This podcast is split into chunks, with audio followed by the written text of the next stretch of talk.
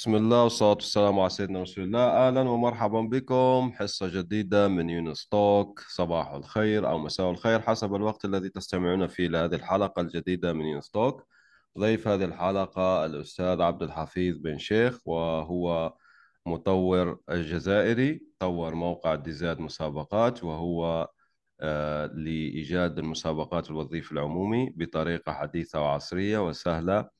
أهلا بك أستاذ عبد الحفيظ كيف الحال؟ بك وأهلا أستاذ يونس الحمد لله بخير. شكرا لك على الاستضافة. وشكرا لك على قبولها بارك الله فيك على العمل الممتاز. لو كنت تبحث عن وظيفة أو ترقية في الوظيفة العمومي طبعا دي زاد مسابقات هو وجهتك الأولى لازم يكون. دعنا نبدأ بمسيرتك أستاذ عبد الحفيظ. يعني عرفنا على نفسك ماذا درست؟ وكيف تعلمت البرمجة وتطوير الويب وما شابه؟ آه، أول شيء بسم الله الرحمن الرحيم والصلاة والسلام على أشرف المرسلين سيدنا وحبيبنا محمد صلى الله عليه وسلم. اسمي الكامل هو بن شيخ عبد الحافظ آه، طالب في جامعة تلمسان بدأت دراستي كأي جزائري من الابتدائي إلى غاية الجامعة. تحصلت على الماستر ليس الماجستير الماستر في آه، إعلام آلي بيوطبي ثم بعد ذلك في عام 2019 ثم بعد ذلك أنا أكمل دراستي في الدكتوراه في نفس تخصص إعلام آلي بيوطبي بالنسبة للبرمجة يعني بدأتها من منذ الصغر من من المتوسط من مرحلة المتوسط إلى غاية آه، يعني لم أكن أستطيع أن أتعلم البرمجة إلى غاية وصولي إلى الجامعة. يعني عندما وصلت إلى الجامعة جمعت الأساسيات التي أحتاجها لكي أصبح بالفعل قادر على تعلم البرمجة وليس قادر على البرمجة. والحمد لله وصلت وتعلمت يعني طرق برمجة آه، تطبيقات الحاسوب لأول مرة. ثم بعد ذلك آه، تخصصت في تطبيقات آه، الويب أو مواقع الإنترنت. طيب هل تعمل عبر الإنترنت آه، مثلا تقدم هذه المهارة لمن يحتاجها سواء عبر أبورك أو ما شابه؟ الحقيقة لا أعمل عبر الإنترنت. أركز أكثر على تحسين مهاراتي وعلى القيام وإنجاز المشاريع التي تخطر في بالي يعني لدي يعني العديد من حتى حتى المشاريع. مح حتى محليا يعني أو تعمل محليا ممكن جاتك طلبات محليا؟ ليس عبر الإنترنت. جاءتني طلبات محلية لكن للأسف يعني لم أقبل أي طلب. يعني في الوقت الحالي يعني إلى حد الآن يعني لم أقبل أي طلب ولم أطور لأي شخص آخر.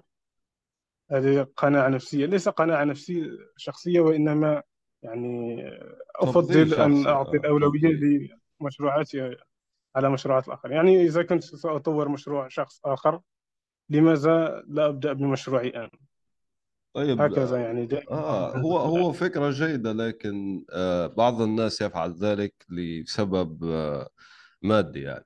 هو يطور مشروعات الآخرين لكي يحصل على ما يكفي من المادة ولكي يعني ممكن ما ما يأخذ وظيفة حكومية أو وظيفة لدى القطاع الخاص. تمام؟ أنا أعطي لك يعني آه بعض الناس لماذا يفعلون ذلك؟ هو فيه يعني فيه نوعين من المبرمجين. فيه مبرمجين آه، يقومون ببرمجة آه، كما نقول parts ولا يعني سكريبتات للآخرين. وهناك مبرمجين يقومون ببرمجة مشاريع الآخرين. فهنا هنا الفرق فرق بين مهندس ومبرمج. فالمهندس بشكل عام يطور مشاريع الآخرين.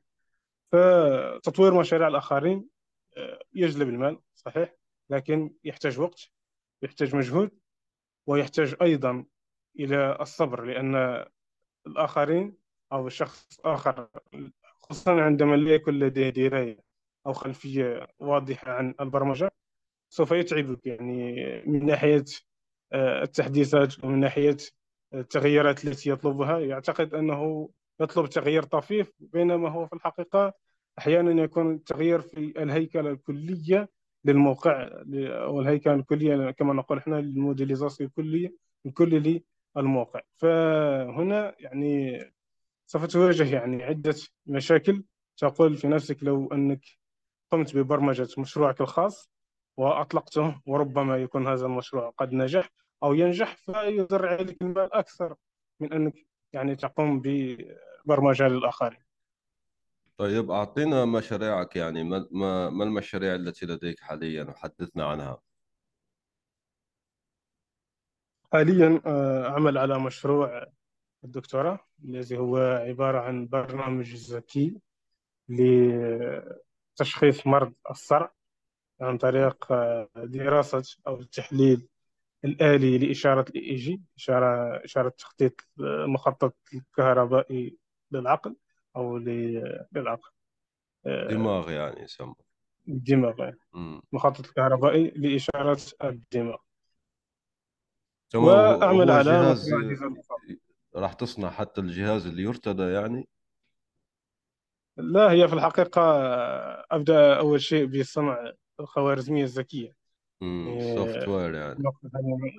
في الوقت الحالي أقوم بتدريب البرنامج ومحاولة إنتاج خوارزمية ذكية ليست موجودة يعني في آه، المجال البحثي أو في مجال آه، يعني ليست منشورة من قبل. هذا هو الهدف بتاعي يعني يقوم ببرمج آه، بإنشاء خوارزمية ذكية خاصة بي شخصيا حتى أتمكن من نشر مقالات عنها في في مجلات علمية محكمة. ممتاز. الله يوفقك يا رب. والمشاريع الأخرى؟ آمين. مثلا مشروع تخرج الماستر. ماذا كان؟ مشروع تخرج الماستر كان كان عبارة عن موقع إلكتروني أيضا للتبرع بالدم. يعني يقوم الأشخاص الذين يريدون التبرع بالدم بتسجيل أنفسهم في ذلك الموقع. وتقوم مؤسسة الموقع كان كان قد كانت تريد أن تتبناه مؤسسة لكن يعني لم لم تنتهي آه، لم ينتهي كما كان مخطط له لأنه كانت هناك مؤسسة مركز استشفائي جامعي لولاية المثال يعني كنا نعمل مع بعض حتى يقوم هو بالإشراف على الموقع فيشرف على بيانات هؤلاء المتبرعين ويستقبل يعني يستقبل طلبات آه، التبرع. فالموقع عبارة عن آه، عبارة عن وسيط يربط بين المتبرعين وبين المحتاجين إلى الدم تحت إشراف مؤسسة يعني عمومية حكومية آه، تقوم ب يعني بضمان أن المتبرع لن يصل لمرحلة مرحلة الخطر لأنه صحيح نتبرع بالدم لكن قد يكون التبرع سبب في يعني مضاعفات يعني صحية. إذا لم يكن هناك متابعة فالموقع يقوم بتسجيل آخر تاريخ للتبرع بتسجيل البيانات كل البيانات المتعلقة بالمتبرع حتى يقوم آه، المشرفون عليه بالتأكد إذا كان هذا الشخص قادر على التبرع أم لا. إذا لم يكن قادر على التبرع سوف يعني يلغى من الموقع ولن يظهر يظهر لي الذين يحتاجون الدم حتى وإن كان يريد هو يعني التبرع فهذه كانت وسيلة لبناء منصة تبرع بالدم كما نقول محمية أو تحت إشراف كادر طبي يحمي المتبرع ويحمي المحتاج إلى الدم. ممتاز. والمشاريع الأخرى؟ الجانبية ممكن دراسية إيه كان عندي عدة مشاريع يعني لما كنت أتعلم يعني مشاريع لم أكن لم ت... هذا أول جزء مسابقات أول مشروع أطلقه يعني كمشروع آه، ربحي أو كمشروع بروفيشنال بقية المشاريع كانت مشاريع نتيجة عن تجربة ما كنت أتعلمها. فمثلا قمت ببرمجة لعبة اسمها Flappy Bird قمت بلعبة 2D عبارة عن مكعبات فقط. فلديك مكعب تقوم بالنقر على زر مستطيل زر المساحة space فيقوم فيقوم المربع بالقفز. يعني لديك مجموعة من المربعات فأنت تقوم بالقفز عليها حتى لا تضرب في أي مربع آخر. فكانت هنا يعني كنت أجرب هنا آه، تقنية اسمها ال collision detection يعني آه، اكتشاف الصدمات يعني عندما يصطدم المربع بالمربع الآخر الذي هو عبارة عن كما نقول عرصة أو عمود فعندما يصطدم به سوف يخسر اللاعب واللعبة سوف تكتشف أن هناك اصطدام فتقوم بإيقاف اللعبة وتقول للاعب أنك خسرت وهذا هو عدد النقاط الذي جمعته تماما مثل لعبة الديناصور المشهورة في كروم آه يعني كما آه. لمن يرى كروم. إيه.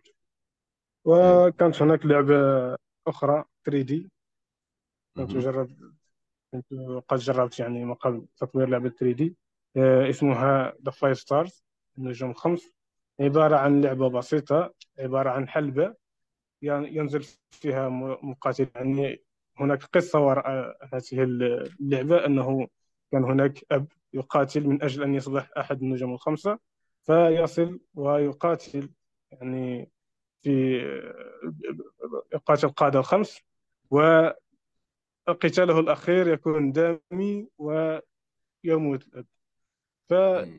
فاللاعب الذي هو عبارة عن ابن الأب هذا الذي مات يقوم بالدخول ليتتبع يعني خطوات أبيه فيواجه المقاتلين الخمسة ويحاول أن يفوز عليهم جميعا حتى يصبح آه، القائد الأقوى بينهم يعني. فتقوم بالدخول كم مرة يعني يقوم بالدخول مع قائد من القادات الخمس ويقاتله في الحلبة عندما يفوز ينتقل إلى القائد الآخر وهكذا حتى يصل إلى القائد الأخير ويتقاتل معه ويقوم يعني آه، وعندما يهزمه يكون قد أصبح القائد الأقوى بينهم وبالتالي آه، يكون قد فاز وختم اللعبة طبعا اللعبة لم تلقى نجاح كبير يعني حملها 200 شخص فقط ولكن يعني كنت فخور تلك الأيام لأنني يعني لأول مرة قمت بتطوير لعبة 3D تعلمت الكثير أكيد يعني. إطلاق مشاريع بيعلمك عمليا كيف تبرمج الأشياء وتفهم المفاهيم آه، آه، الحاسوبية وما شابه. لأنه مهمة جدا هذه النقطة. يعني كيف تفهم الخفايا خلف ما نفعله في حياتنا اليومية. يعني. طيب نرى الكثير من آه، الناس الذين يدرسون تخصص إعلام آلي وحاسوب والكثير من مشاريع التخرج لكن لماذا لا ترى النور؟ هذا السؤال الذي يخطر لي كثيرا يعني يعني أرى الكثير لماذا الآن لا ترى؟ النور يعني لماذا لا يستفيد منها المجتمع على سبيل المثال آه، الموقع الذي آه، صنعته أنت للتبرع فيه آه، خلينا نقول ممكن خمسين ألف مشروع الآن وفق تقديري أنا الشخصي حبيس الأدراج آه، تخرج الناس وفقه لكن لم يطلق. أنا أحكي حتى عن التكوين المهني على فكرة. التكوين المهني أيضا بيعطيهم آه، مشروع تخرج. أين هذه المشاريع تخرج لماذا أدخل برودكت هانت أجد مئة مثلا آه، منتج برمجي كل يوم يصنعه الغربيون وأقصد بالغربيين الناس كلهم يعني. في حتى مصريين على فكرة في عرب آه، في آه، أوكرانيين فيه يعني هنود فيه لماذا مثلا ما عندنا موقع مثل برودكت هانت وفي هذه مشاريع التخرج؟ لكي تفيد المجتمع لأنه الآن لو تسمع مثلا شخص بيقول لك آه، أنا مشروع تخرجي كان تعرف يعني الكاميرات تتعرف على آه، أشياء معينة في الغرفة هيك أو آه، نظام أمان آه، بهواتف أندرويد قديمة يعني بدل أن ترميها? يعني كمبيوتر فيجن آه مثلا تستخدم تمام. آه أين هذه أيوة. المشاريع يعني؟ منذ عهد الاستقلال يعني تخرج عدد كبير جدا من الناس. أين هذه المشاريع؟ طبعا هو السؤال ليس مساءلة يعني هو هو هو تساؤل خطر لي ويعني سألت الكثير من المبرمجين وكل واحد عنده إجابة لكن ال- يعني لم أجد حل حتى الآن. أين هذه المشاريع يعني؟ السؤال آه، أين الفائدة من هذه المشاريع؟ لا ليس ليس أين الفائدة أين هي عمليا؟ شخص تخرج عمل مشروع برمجي مثلا أو أي مشروع كان في تخصص إعلام آلي أين هذه في المجتمع؟ هو أكيد عملها لفائدة 100% يعني هذا ما ما في شك. ولا ممكن لم يقبلها أكيد. المؤطر أو كذا لكن الفكرة هنا أين هي الآن؟ يعني هل لدينا الآن مثلا مثلا جوجل على سبيل المثال هو بحث علمي أساسا أصلا يعني الورقة العلمية موجودة ويمكن تحميلها مجانا بشكل شرعي في الإنترنت الآن. يعني جوجل هو عبارة عن خوارزمية مبنية على سلاسل ماركوف للاحتمالات تمام؟ الآن عندنا بحوث علمية لكن أين أين المنتج أحكي في برية الإنترنت؟ المشكل كما قلت سابقا أين هي الفائدة؟ يعني هناك مشاريع ندرسها أكاديميا أن لديها فائدة وأكاديميا بالفعل لديها فائدة لكن ليس كل المجتمع يفهم الفائدة الأكاديمية من المشاريع. فعندما تكون للمشاريع فائدة فعلية على الميدان ويكون هناك آه، تمويل ودعم للمشروع فهاتين النقطتين.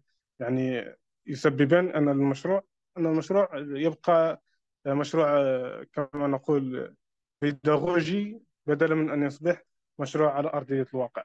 فأول شيء الفائدة التي يفهمها المستخدم العادي.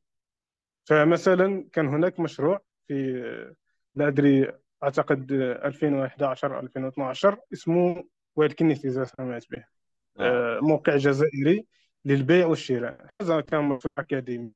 عندما أطلق على أرضية الواقع نجح والآن أصبح مؤسسة آه، توظف. توظف آه، مبرمجين آخرين توظف أصحاب الخبرة في الماركتينج وإلى آخره. فهذا المشروع لديه فائدة يفهمها المستخدم العادي. عندما تقول للمستخدم العادي أن هذا الموقع تقوم بتصوير منتجك وتضعه في هذا الموقع وتضع السعر سوف يأتي شخص آخر يتصل بك عن طريق الهاتف الذي سجلت به ويطلب منك المنتج وتقوم أنت بإرسال المنتج إليه. فهنا مستخدم عادي سوف يفهم الفائدة من هذا المشروع. لكن عندما يكون هناك مثلا مشروع مثل مشروع التبرع بالدم أو مشاريع أخرى فيكون من الصعب شرح الفائدة. لا أقول لا توجد فائدة ولكن لا يوجد شرح يعني مبسط للآخرين حتى لأنه في الأخير نجاح المشروع من عدمه يكون على يد آه، الفئة المستهدفة. إذا كانت الفئة المستهدفة فئة مثقفة يعني هناك مثل التطبيقات التي نعمل عليها حاليا خاصة بالإيجي وإلى آخره موجهة للنورولوجيست الأخصائي في الأعصاب فهذه الفئة سوف تفهم أكاديميا الفائدة منها ولن يقبل المشروع إلا إذا فهم الفكرة الأكاديمية أو الأهمية الأكاديمية للمشروع والدقة الأكاديمية الخاصة به لكن عندما نتحدث عن مشروع موجه للعامة ف. فلا يكون من المنطق أن نتحدث الفائدة الأكاديمية وإنما الفائدة التي يفهمها ذلك المستخدم البسيط الذي ربما لا يفهم أو لا نعم حتى في عبد الحفيظ آلان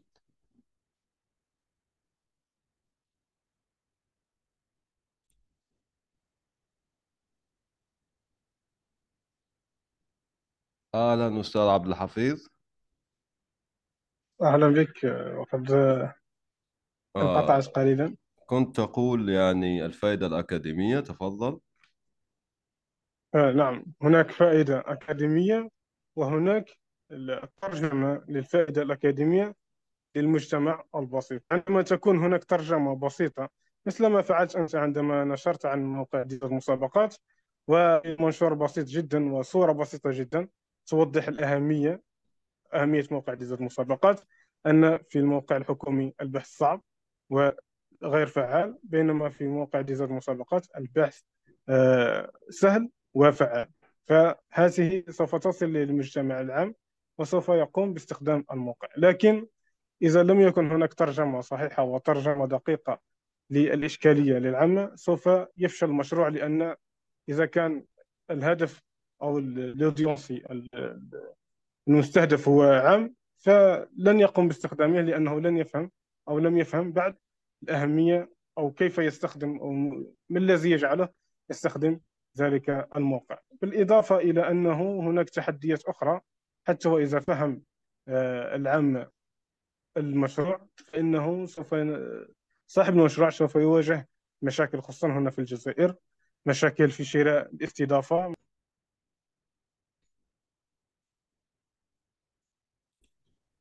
نعم مشاكل في شراء الاستضافة كما أنه مشاكل في شراء الدومين نيم أين تكمن هذه المشاكل؟ تكمن في عدم القدرة على تحويل أموال جزائرية إلى أموال آه، عالمية أو كما نقول إلى البطاقة البنكية. العملة صعبة. فهنا يحتاج إلى أن يذهب إلى السوق السوداء. وفي السوق السوداء حدث معي منذ قليل يعني هناك من يعني أرسلت له إليه إليه النقود كي يرسل إلي العملة الصعبة لكن لم يرسل العملة الصعبة وسرق النقود وهرب. فكما نلاحظ يعني السوق السوداء خطيرة من ناحية إهدار الأموال لأنه يمكن أن يسرقك بكل بساطة. وأيضا يعني سعر الأورو أو سعر الدولار يكون أغلى من المعتاد لأنها سوق سوداء كما نرى فهذه أيضا عقبة أخرى أمام صاحب المشروع أو آه، صاحب بالإضافة إلى أنه يحتاج إلى لا يحتاج فقط إلى مهاراته البرمجية حتى يطلق مشروعه وإنما يحتاج أيضا إلى مهارات تسويقية. يعني عندما أردت أن أطلق موقع ديزل المسابقات ذهبت إلى آه، دورة مجانية لجوجل حول التسويق الإلكتروني. يعني رأيت أن هناك أشياء يعني عديدة لم أكن أعرفها وبدونها لم يكن موقع جائزة المسابقات ليصل يعني إلى عدد محترم من الأشخاص رغم أنه قليل إلا أنه عدد محترم يعني من الأشخاص. فبدون هذه المهارات التسويقية لن يمكن يمكنه أن يعني يتقدم في التسويق لمنتجه. لهذا يعني العقبات يعني إذا أردت أن ألخص سبب عدم وضع آه، مشاريعنا في أرض واقع فسوف ألخصها بثلاث كلمات. الترجمة إلى المستخدم العادي ترجمة الهدف أو الفائدة الخاصة بالمشروع إلى المستخدم العادي. الدعم الدولي يعني على الدولة أن تدعم هؤلاء الطلبة أو هؤلاء المبرمجين. وتعطيهم وسيلة لكي يقوم بدفع مستحقاته. يعني يمكن لديه المال لكن ليس لديه المال على آه، الإنترنت. فيحتاج إلى طريقة يعني كما نقول دولية طريقة مضمونة بدون الذهاب إلى السوق السوداء. فيقوم بدفع تكاليف الاستضافة والتكاليف التي يحتاجها وحتى تكاليف الإعلانات الممولة وآخر نقطة هي آه، يحتاج إلى أن يتعلم أكثر. فنحن لدينا عندما يتعلم البرمجة والبرمجة يعني تعلمها أمر مرهق نوعا ما فإنه سوف يتوقف ويقول لك يعني تعلمت البرمجة. فيحتاج أيضا إلى أن يتعلم أمور أخرى أو يوظف آه، أشخاص آخرين في مهام التي لم يتعلمها بعد مثل مهام الإدارة مهام آه، التسويق الإلكتروني والمهام الأخرى المتعلقة بتسيير وإنجاح الموقع. تمام فهمتك.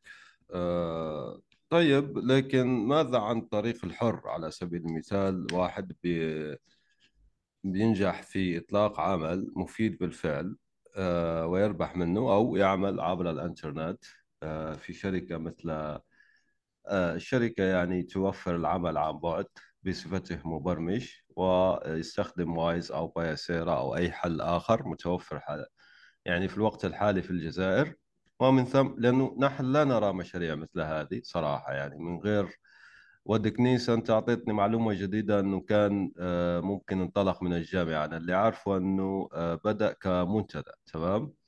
أنا شايف أنا ما عندي مشكلة يعني مع هذا النجاح لكن أنا شايف في مشاكل في من ناحية الجنوب. الجنوب ليس لدينا أي شيء من هذا لا أدري لماذا. ودائما الشمال يعني آه، يأخذ حصة الأسد من الدعم وتوفير الأمور. فأيضا هو ليس مستغل آه، آه، بياناته بشكل كافي صراحة تمام؟ مثلا على سبيل المثال لا يعطينا ليس لديه مؤشرات مثلا كما أسعار السيارات الوقت الحالي مع أنه يمكن يستغلها ويعني يعني يدفع الشخص للوصول إلى هذه المعلومات. الجزائر أيضا أعتقد أنه لم تسمع حتى الآن بشيء اسمه البيانات المفتوحة مع أنه في يعني أموال ضخمة جدا في هذا المجال. أعطي لك سبيل المثال يعني الآن في السعودية كل الصفقات العقارية موجودة في مكان ما فأحد المطورين السعوديين آه، من هناك أطلق شيء اسمه عقار ساس آه، بالاشتراكات تدخل وتجد كل المعلومات على الصفقات العقارية في تلك المنصة مرتبة بطريقة ممتازة. هي موجودة في الموقع الحكومي بشكل غير مرتب مثل ما فعلت أنت بالضبط. لكن عندما تشترك عند عقار ساس راح يكون بشكل أجمل بشكل أوضح بشكل آه، يعني تجربة مستخدم ممتازة. تمام؟ أنا أحكي عن هذا أستاذ عبد الحفيظ يعني من هذه الناحية بالضبط. يعني ليس لدينا حتى من ناحية يعني خلينا نقول مقارنة بالدول الأخرى العربية بالذات. لا أحكي عن الدول الأوروبية أو ما شابه. يعني حتى من ناحية عدد المنتجات الرقمية الموجود يعني المتوفر. هي إذا أردنا أن نقارن يعني بالدول الأخرى الدول العربية فهناك دول عربية يعني لديهم سهولة في في الجانب في الجانب الآخر الثاني الذي تحدث عنه وهو وضع الأموال الخاصة بهم في الإنترنت. بالإضافة إلى أنه يعني التكوين في بعض الدول أفضل من التكوين في الجزائر. يعني حتى أكون صريح يعني البرمجة صراحة أنا تعلمتها من مصريين في اليوتيوب. يعني عندما أردت أن أتعلم البرمجة برمجة مواقع بلغة ال PHP كان هناك آه، مبرمج نسيت اسمه كان في اليوتيوب. هو من كنت أتابعه حتى تعلمت منه. يعني كما تلاحظ مستوى التكوين يعني في الجزائر مقارنة بالدول الأخرى يعني لا أقول ضعيف ولكن آه، يسمح للدول الأخرى أنها تقدم أكثر منا. يعني سوف يكون من المنطقي لو رأيت مصر تقدم منتجات أكثر منا أو لا رأيت أو إذا رأيت السعودية تقدم منتجات أكثر منا لأن السعودية مختلطة مختلطة بالدول الأوروبية فتحاول أن تستفيد من مهاراتهم كثيرا فلاحظت حتى في كرة القدم يعني أصبحوا يجذبون لاعبين كبار مثل كريستيانو بنزيما وإلى آخره. فالسعودية يعني الوضع المالي الخاص بهم يسمح لهم بالاختلاط كثيرا أو الاختلاط بشكل فعال مع الدول الأوروبية فيكونون يعني بنية بنية مبرمجين عرب لديهم يعني كفاءة عالية جدا تسمح لهم بأن ينتجوا أكثر يعني من المبرمجين. في الجزائر بالإضافة إلى أنه هنا في الجزائر بصراحة يعني لدينا فكرة يعني تحبيط الآخرين يعني. كما لاحظت في تعليق ذلك يعني ذلك الشخص على الفيسبوك لدينا يعني هنا في الجزائر يجب أن تضع مشروع ويجب لا ينجح المشروع يعني. هكذا يجب أن هو يستفيد من المشروع لكن في نفس الوقت يجب هذا المشروع أن لا ينجح وأن لا تنجح أنت وتصبح يعني شخص لديه مشروع. هكذا يعني. فالصراع بين الحسد والغيرة في الجزائر ممكن يكون يعني عائق كبير أمام أن تنتج يعني عدد من المنتجات أكبر من يعني أكثر من الدول الأخرى. لكن في الوقت الحالي وبعد أن بدأت الجزائر تذهب نحو الرقمنة رأيت العديد من الجزائريين يقومون بإنتاج يعني مشاريع ما شاء الله. فهناك من قام بإنتاج آه، غرفة للدراسة عن بعد. عندما أتت كورونا أنتج غرفة ما شاء الله مثل زوم تقوم فيها بالدراسة عن بعد و يعني يعني المتدرسين مرتبين كما مرتبين في الواقع. يعني لديهم كما نقول طاولات أو كطاولات. يعني أراهم مستفين أمامك هكذا يعني بالأسماء الخاصة بأسماواتهم يعني. يعني هناك منتجات لكن لا نعرفها بسبب نقص التسويق وبسبب تغطية الإعلام عن هؤلاء الشباب. وبدل منه يعني يقوم بالذهاب إلى المغنيات وإلى الشخصيات التافهة التي تكثر التفاهة بدلا من أن يذهبوا إلى الشخصيات مثل هذه التي تنتج. وتعطي للجزائر قيمة مضافة سواء من الناحية العلمية أو من الناحية آه، الإنتاجية. صحيح. آه نحتاج إلى آه، مواقع إعلامية أيضا مستقلة وليست تابعة فقط للحكومة زي ما حكينا برودكت هانت مكان يوجد فيه هذه الأشياء تمام؟ ليعرف الشخص المشاريع الجديدة في الجزائر التي ينجزها ناس زي ما حكيت أنت بالضبط تمام؟ أكيد أكيد. يجب أن يكون هناك إعلام شخصي. طبعا الإعلام الحكومي يعني حقا فكرة رائعة أن يكون هناك إعلام آه،. غير تابع لل- للإعلام الحكومي. فهكذا هنا يمكن التغطية. هناك مشكلة أخرى عبد الحفيظ وآسف للمقاطعة. على فكرة أنا تواصلت مع الجزائريين هم لا يردون معظمهم يعني. أنت لو الآن بتشوف هي أصلا يونستوك محاولة لسد هذه الثغرة. تمام؟ أنا يعني آه طبعا أحب أن أستضيف الجزائريين. المشكلة فيهم أنهم لا يردون تمام؟ بيقرأ الرسالة ما يرد عليك أصلا يعني. لهذا أنا مثلا على سبيل المثال آه لو أستطيع أن آتي مثلا بشخص عمل شيء جيد آه أنت بارك الله فيك قبلت. لكن الآن سهولة كبيرة صراحة بكل أمانة أني آتي أنت حكيت على ال PHP تمام؟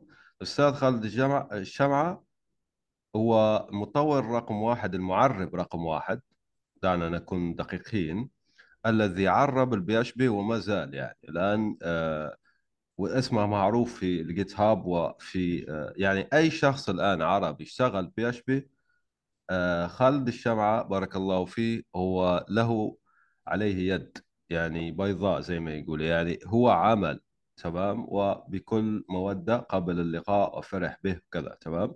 بتراسل الجزائر وكذا هاي المشكلة التي نحكي عنها أنا أحكي أيضا حتى عن فكر موجود هنا. طيب أعطيك سؤال بسيط جدا يعني. أنت كشخص أنا أحكي هنا ليس عنك أنت بالذات يعني لكن أحكي عن الشخص الذي مثلا آه، أنجز أو ما شابه. طيب أنت لا لماذا لا تكتب مثلا أنك لا تستطيع مثلا الوقت الحالي أو لا أريد الظهور مثلا على سبيل المثال واللي هو خطأ على فكرة. لماذا لا تريد الظهور أصلا يعني؟ كيف لا تريد الظهور؟ هل لديك شيء تخفيه مثلا أو كذا؟ لا. يعني هذا مش معقول صراحة لأنه آه، لا أدري الناس كيف تفكر. أنا لا أرى مش لك آه بالضبط. لكن أحكي لك أنه موجود تمام؟ هاي الفكرة فين؟ يعني أن حتى أساسا بتلاقي كثير جدا من المشاكل خلينا نقول لوجستية هذه. لكي مثلا تعمل لقاء وكذا. ولاحظت أن الجزائريين هم ليس ليس كلهم هم العرب بصفة عامة خلينا نحكي ب بصفة عامة تمام؟ أنا أحكي لك الآن أنا في واد سوف تمام؟ الجنوب الغربي في الجزائر. تواصلت مع دكتور في الذكاء الصناعي بجامعة أعتقد جامعة كبيرة في آه، قلت له أنا عجبني آه، عرض تقديمي قدمه هو كبير كيف تفكر؟ أوضح اسمه وتكتب بصورة أوضح وتفهم أشياء بصورة أيسر. فوافق مشكورا بل وأعطاني حتى يعني آه، آه، الشرائح تمام؟ الشرائح المحدثة. لأنه هو قال لي هذا اللي تريد أن تعربه. قال لي هذا أصلا قديم عندي نسخة حديثة ورد في نفس اليوم 24 ساعة. أنا نحكي عن دكتور. يعني الكثير متواصلات معه في آه، آه، يعني برودكت هانت يعني أقول لك باختصار يعني واحد عنده شركة هنا عربي موظف اثنين فقط سواء كان جزائري أو عربي. صعب جدا الوصول إليه بينما يسهل الوصول إلى شركة عالمية كبرى يعني. هذا أيضا خلل تحدث عنه مرارا وتكرارا في تدويناته على فكرة. آه وهو معقد وعنده جذور كثيرة جدا تمام؟ زي ما حكيت في كثير من العوامل النفسية العوامل آه المحيطة بالأمر. ما مقاربتك ما تعليقك على الموضوع؟ ففي الحقيقة يعني عندما كنت أدرس كان هناك أشخاص أفضل مني بكثير وأعيد وأقولها دائما عندما يسألوني الأشخاص. يعني هناك يعني من عندما يراني خصوصا هنا في منطقة الجنوب كما قلت لدينا الكثير من المبرمجين فيقولون يعني أنت يعني ربما الأفضل هنا ربما في الجنوب. فأقول لهم لست الأفضل وإنما هناك من أفضل مني لكن لا يحبون الظهور إعلاميا أو لا يحبون أصلا الظهور يعني رغم قدرته ورغم أني أذهب وأتعلم منهم كثيرا إلا أنهم يعني لا يحبون أن يعرف الكثير عن قدراتهم. فربما هذا راجع لخوفهم كما نقول نحن من العين أو شيء من هذا القبيل وربما لقناعة نفسية يعني عندهم. فهنا في الجزائر يوجد يعني حقيقة يوجد. كما يوجد أشخاص آخرين ينسبون الأعمال إليهم. ربما هذا قد يكون يعني أحد أو أحد الأنواع التي ربما لن تقبل اللقاء معك لأن لأنه في الحقيقة لا يعرف آه، أساسا كيف بني المشروع أو لا يمكنه أن يتحدث بشكل أوضح وواضح عن المشروع. لكن عموما النسبة الأكبر أظن أن هؤلاء الأشخاص الذين لا يحبون الظهور ولا يحبون يعني أن تظهر يعني قدراتهم فأظن أن يعني أنت كنت تلتقي بهم فربما آه، ربما هؤلاء أستاذ أستاذ أستاذ عبد الحفيظ هل تسمحني تسمح لي أن أعارضك في القصة هنا؟ وأبدي رأيي بصراحة. تريد رأيي بصراحة يعني؟ بصراحة. أولئك الناس الذين تحكى عليهم قابلت بعضهم لا أؤمن أنهم يعرفون البرمجة بكل أمان. لأنه هنا في تناقض. لو أنت مثلا بيجي يقول لي هذا عندنا هنا لفظة يقول مثلا يقول لك طاير في البرمجة يعني هارب في البرمجة هارب في كذا. طيب أول سؤال يخطر لي هو زي ما يخطر لأي شخص يعني في التوظيف. أين معرض أعمالك؟ لا أنا أتابع فقط الفيديو وأفهم هذه الأشياء. لن أصدق هذا.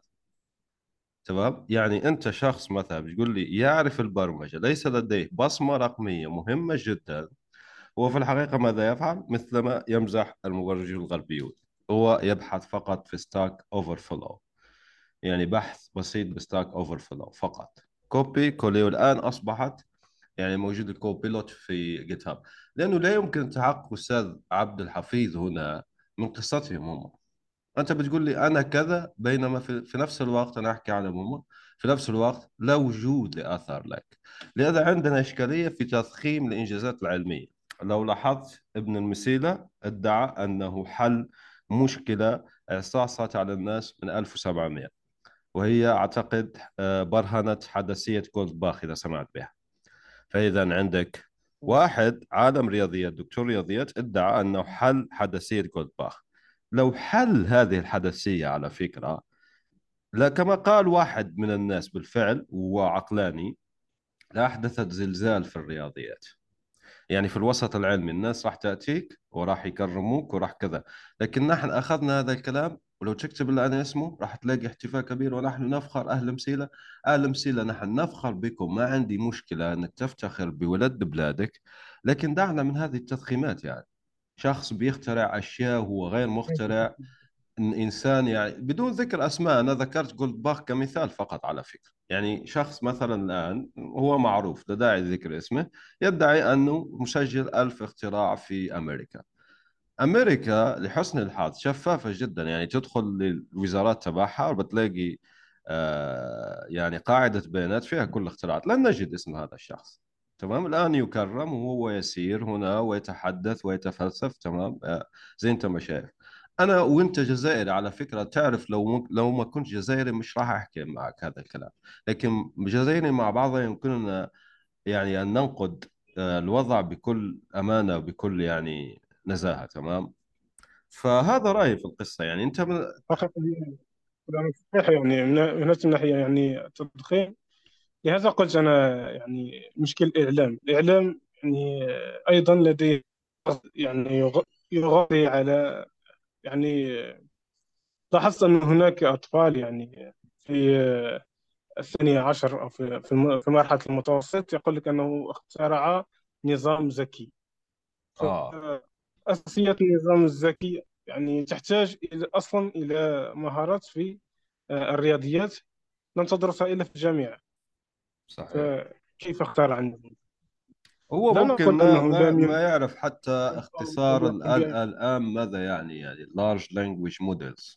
أنا أؤكد لك أنه لا يعرف ذلك. هذه مشكلة زي أنت ما حكيت تابعة لموضوع الإعلام لكن مشكلة قابلة للحل زي ما حكينا أنه في كثير الآن من المؤسسات الإعلامية المستقلة أحكي التي تغطي بشكل جيد آه، أنا أحكي خارج الجزائر. لازم يكون لدينا واحدة بالجزائر تغطي هذه الأشياء. أوه إن شاء الله. ممكن إن شاء الله آه، حواراتك هذه تصبح مستقبلا لما لا حوار علمي إعلامي مميز يغطي مثل هذه الكفاءات يعني بطريقة صحيحة. حتى يعطي المعلومة الصحيحة للمواطنين أو للأشخاص البسطاء. مثل الأطفال هؤلاء الذين ينتجون منتوجات يعني ذكية لا نقول أنهم يعني مختصون أو خبراء في الذكاء الاصطناعي وإنما نقول أنهم تمكنوا من استغلال الذكاء الاصطناعي بطريقة تفوق عمرهم. يعني هم في الحقيقة بالفعل يقومون بإنتاج أجهزة بالأردوينو ويقوم بعمل embedded systems يعني embedded AI في في هذه الأجهزة. لكن لا يعرف الثيوري أو النظرية خلف ما يفعله. لكن بالفعل يستغل هذه التقنيات وينتج منتجات مفيدة. ف يعني بدل أن تقول خبير في في الذكاء الاصطناعي أو خبير في الروبوتات قل لديه موهبة في استغلال الذكاء يعني في الإعلام يقوم بالتدخين كما قلت أنت. يعني بدل من أن يقول لديه موهبة. يعني في كلتا الحالتين الطفل يعتبر يعني نابغة إذا كان لديه موهبة في استغلال الذكاء الاصطناعي أو كان آه، عبقري في الذكاء الاصطناعي ففي كلتا الحالتين يعتبر نابغة. لماذا يقومون بالتدخين يعني بشكل مبالغ فيه. لا لا يوجد هناك حاجة للتدخين فيقوم فيقومون بالتدخين أين لا توجد للتدخين صحيح. طيب إذا نختم بهذا السؤال ما هي نصائحك لطلبة آه، الإعلام الآلي في الجزائر وفي الوطن العربي بصفة عامة ولمتعلمي البرمجة.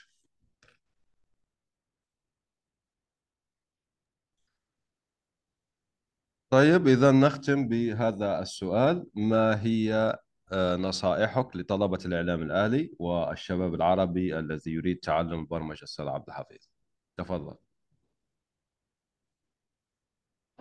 آه، إذا أردت أن أقدم نصائح للشباب العربي أو شباب الإعلام الذي يريد أن يتعلم البرمجة فنصيحة واحدة لا ثالث لهم لا ثانية لها وهي الصبر والاستمرار. فمجال الذكاء الاصطناعي ومجال البرمجة متعب مرهق آه، ولكن مع الصبر والاستمرار يمكنك أن تتحسن ويمكنك أن تصبح بالفعل مبرمج. فلا داعي يعني لأن تسرع الأحداث هناك من يسرع الأحداث ويتعلم سطرين برمجة ويقول لك آه خلاص أنا أصبحت مبرمج يمكن البرمجة كما كما كنا نتحدث عن التدخين.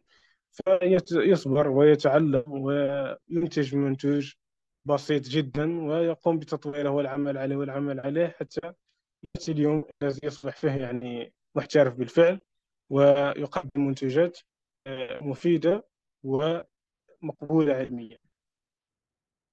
تمام. أشكرك أستاذ عبد الحفيظ لقبول هذه الدعوة. كان حديث ممتع وثري بارك الله فيك. شكرا آه، مستمعينا الأعزاء لحسن الإصغاء والاستماع. بارك الله فيكم. وألقاكم في آه، حصة أخرى من يونس توك إن شاء الله قريبا. سلام.